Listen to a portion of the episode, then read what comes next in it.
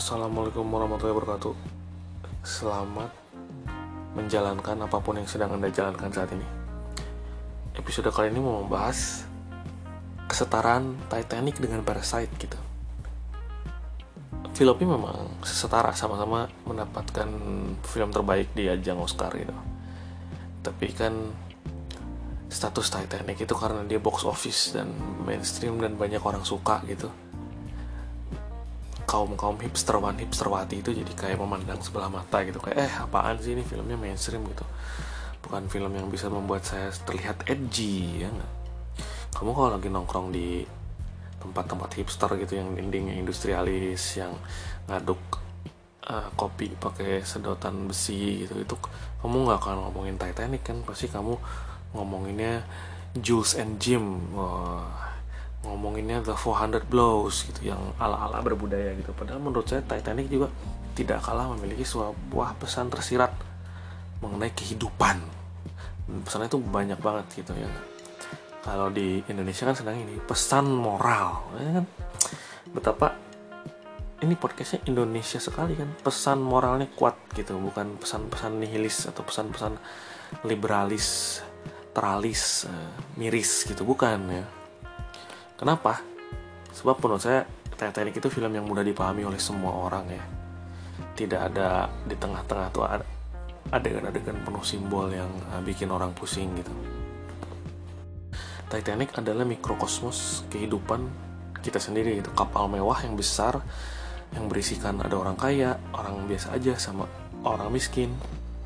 Yaitu hampir sama aja kan dengan planet yang sedang kita diami gitu dan bencana yang dihadapi mereka itu menabrak gunung es sehingga kapalnya tenggelam juga ya. Nggak jauh beda sih dengan yang sedang kita hadapi sekarang itu pandemi gitu. Katakanlah pandeminya sudah lewat gitu. Kita tetap masih harus menghadapi yang namanya perubahan iklimnya nggak? Masalah perubahan iklim ini kan masalah yang pelik gitu karena negara-negara besar itu enggan mengurangi emisi karbon. Ah sekarang kok malah jadi bahas emisi karbon? Tadi kan Titanic balik ke Titanic. Sempat beredar beberapa tahun yang lalu ada meme yang mengatakan bahwa di adegan akhir film Titanic itu ketika si Rose Dawson eh Rose yang diperankan oleh Kate Winslet itu uh, mengapung di atas pohon dia bukan pohon di atas kayu uh, daun pintu dan si Jack Dawson itu dia menggigil kedinginan. Sampai ada yang bilang berteori gitu wah harusnya itu satu daun pintu itu cukup untuk berdua gitu. Nah ini menurut saya teori SJW kebablasan gitu. Kenapa? Sebab kalau kamu pernah berenang di laut atau main di laut yang namanya laut itu ada yang namanya arus dan ombak-ombak. Kalaupun berdua dipaksain kalau berat badannya nggak seimbang yang ada dua-duanya tenggelam. Ya nggak? Satu. Kedua gitu dari segi cerita gitu. Kalau Jack sama Rose nya selamat terus terus akhirnya bisa ke Amerika menikah bahagia punya anak selusin gitu. Lalu tujuan ceritanya apa? Nggak ada jadi kentang jadi jelek coba. Padahal pembangunan ceritanya itu bagus banget gitu.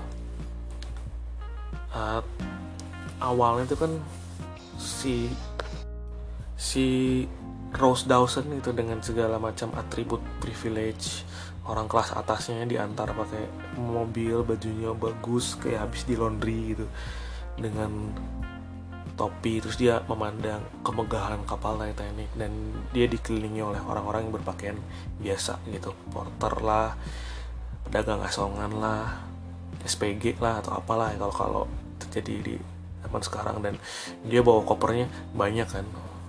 Dia adalah orang kelas atas gitu. Terus kemudian adegan berpindah ke si Jack Dawson gitu yang lagi main kartu di warung Indomie di pelabuhan Titanic gitu kan. Dia pakaiannya aja kucel biasa aja gitu tidak warna-warni. Gitu. dan sepertinya mungkin cuma dicuci di baskom dikucek gitu pakai deterjen sasetan gitu. Dia sama sekali nggak ada rencana naik kapal mewah yang tiketnya nggak mampu dia beli itu gitu. Tapi dia menang karena main kartu remi dan dia seolah merasa bahwa ah inilah peruntungan hidup saya gitu bahwa akhirnya saya bisa naik kapal Titanic saya bisa ke Amerika saya bisa jadi imigran saya bisa mengadu peruntungan saya gitu. Jadi bisa dilihat bahwa dari kasta sosial si Jack Dawson ini dia bukan orang yang pendidikan tinggi atau keluarga ningrat atau dia punya koneksi orang dalam gitu sehingga bisa bekerja di perusahaan yang privilege gitu. Dia adalah seorang bohemian gitu orang yang ya udah ketika menjalani hidup lihat lihat yang ada di depan mata aja apa gitu ya dan dimulailah cerita gitu. Yang yang menyajikan kekontrasan gitu, antara kelas atas dan kelas bawah gitu. Kelas atas yang penuh dengan uh, basa-basi yang sangat rapih juga. Terus pakaian pakaian-pakaian yang indah dengan uh, desain interior deck dan kamar yang bagus. Terus kemudian untuk kelas 3 yang di bawah itu dijejal-jejal seperti sarden seperti pengungsi gitu dan berlayarlah kapal yang mewah itu. Selidik punya selidik, si Rose sendiri ternyata dia tidak sekaya yang penonton kira gitu. Dia di dia dia dipaksa oleh ibunya untuk menikah dengan pria kaya lainnya yang sesama yang dianggap bisa menyelamatkan keluarga Rose itu dari rasa malu karena bangkrut gitu. Ya mungkin keluarga Rose itu biasa hidup di daerah elit di Jaksel gitu dan nggak mau harus pindah ke daerah miskin ya harus nikah lagi sama sesama orang Jaksel elit ya nggak? Hanya saja masalahnya Rose ini tidak mencintai si laki-laki itu si Kel namanya. Singkat cerita dia ketemu akhirnya dengan si Jack Dawson dan inilah terjadi suatu dialektika gitu ya bahasa kerennya ya terjadi sebuah perbenturan uh, cara komunikasi gitu antara si Rose yang kelas atas dan Jack yang kelas bawah ya akhirnya membuat mereka saling tertarik satu satu sama lain gitu. Akhirnya dalam perjalanan ini mereka menyadari bahwa kita tuh harusnya bersama loh walaupun berbeda cie. Dan si Rose-nya juga menyadari bahwa dia sama si orang kaya yang dijodohin itu nggak ada kecocokan sama sekali gitu. Tentu saja film ini nggak perlu spoiler karena semua juga sudah tahu bahwa kapalnya tabrakan sama gunung es dan tenggelam. Dan di sini ke kelihatan juga kan tingkah pola manusia ketika berhadapan dengan krisis gitu. Mau dia kaya mau dia miskin terkuaklah watak aslinya ya nggak? Dan balik lagi tadi kenapa Jack harus mati? Rose harus hidup ya biar ceritanya dahsyat gitu. Bayangkan jika um, jika berakhir bahagia ceritanya jelek. Tentang justru karena salah satu dari mereka itu mati maka uh, disadari bahwa hidup itu cuma sekali. Bahwa kesempatan itu hanya datang sekali. Dan setelah sudah lewat ya udah lewat aja. Dan betapa kesempatan yang sebentar itu meninggalkan kesan yang mendalam dalam benak Rose yang walaupun setelah dia diselamatkan dan menikah dengan orang lain punya anak cucu tapi dia akan tetap selalu teringat pada Jack. Betapa bahwa kenangan terindah itu tidak bisa dinilai dengan uang sehingga akhirnya si Rose yang sudah berusia 84 tahun itu yang uh, di yang ditanya-tanya si pen, siapa si pemburu harta karun yang mencari kalung Heart of the Ocean itu akhirnya dia membuang kalungnya ke dasar laut. Karena bagi si Rose itu cuma kalung aja. Bahwa kenangannya bersama si Jack itu lebih berharga dari kalung itu di sisi lain ini juga menunjukkan bahwa si pemburu harta karun itu adalah orang yang materialistis gitu.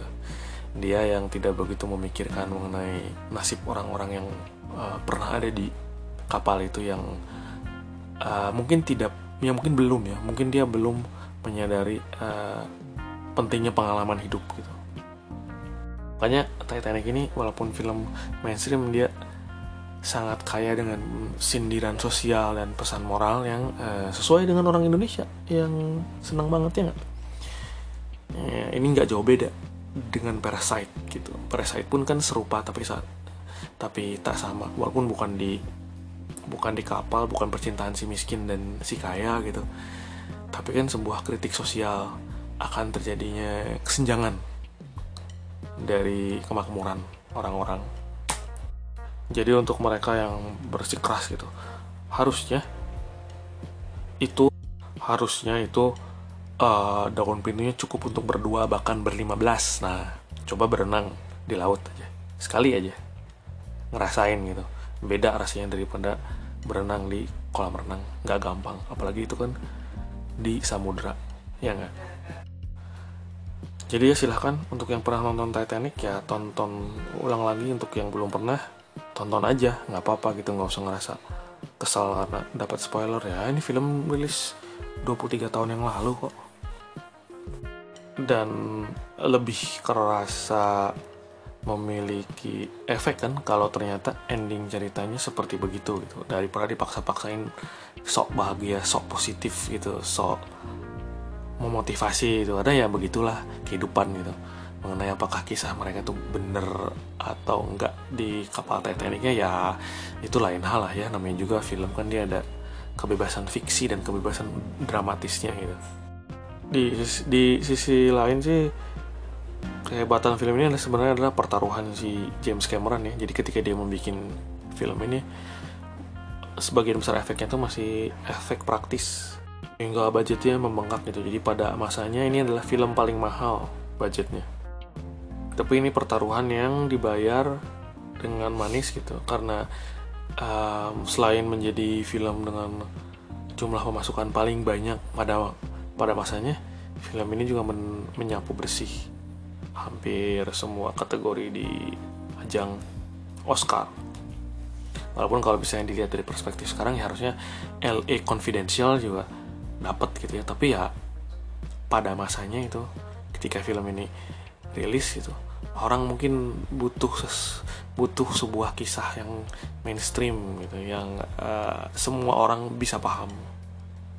Jadi untuk hipsterwan hipsterwati di luar sana itu nggak usah malu gitu kalau nonton film yang mainstream juga dan nggak usah ngerasa sok memiliki gitu. Misalnya kalian senang musik tertentu terus nggak mau orang lain tahu takut. Jadi mainstream gitu tolong jangan seperti alay ya gitu uh, penyanyi musik indie juga mau mereka musiknya laku dan didengarkan semua kalangan masyarakat gitu bukan hanya sekedar didengarkan oleh kalian saja gitu yang cuma senang cus bahasa Inggris di Jaksel ya nggak? Karena seni itu milik semua orang. Oke, terima kasih telah mendengarkan.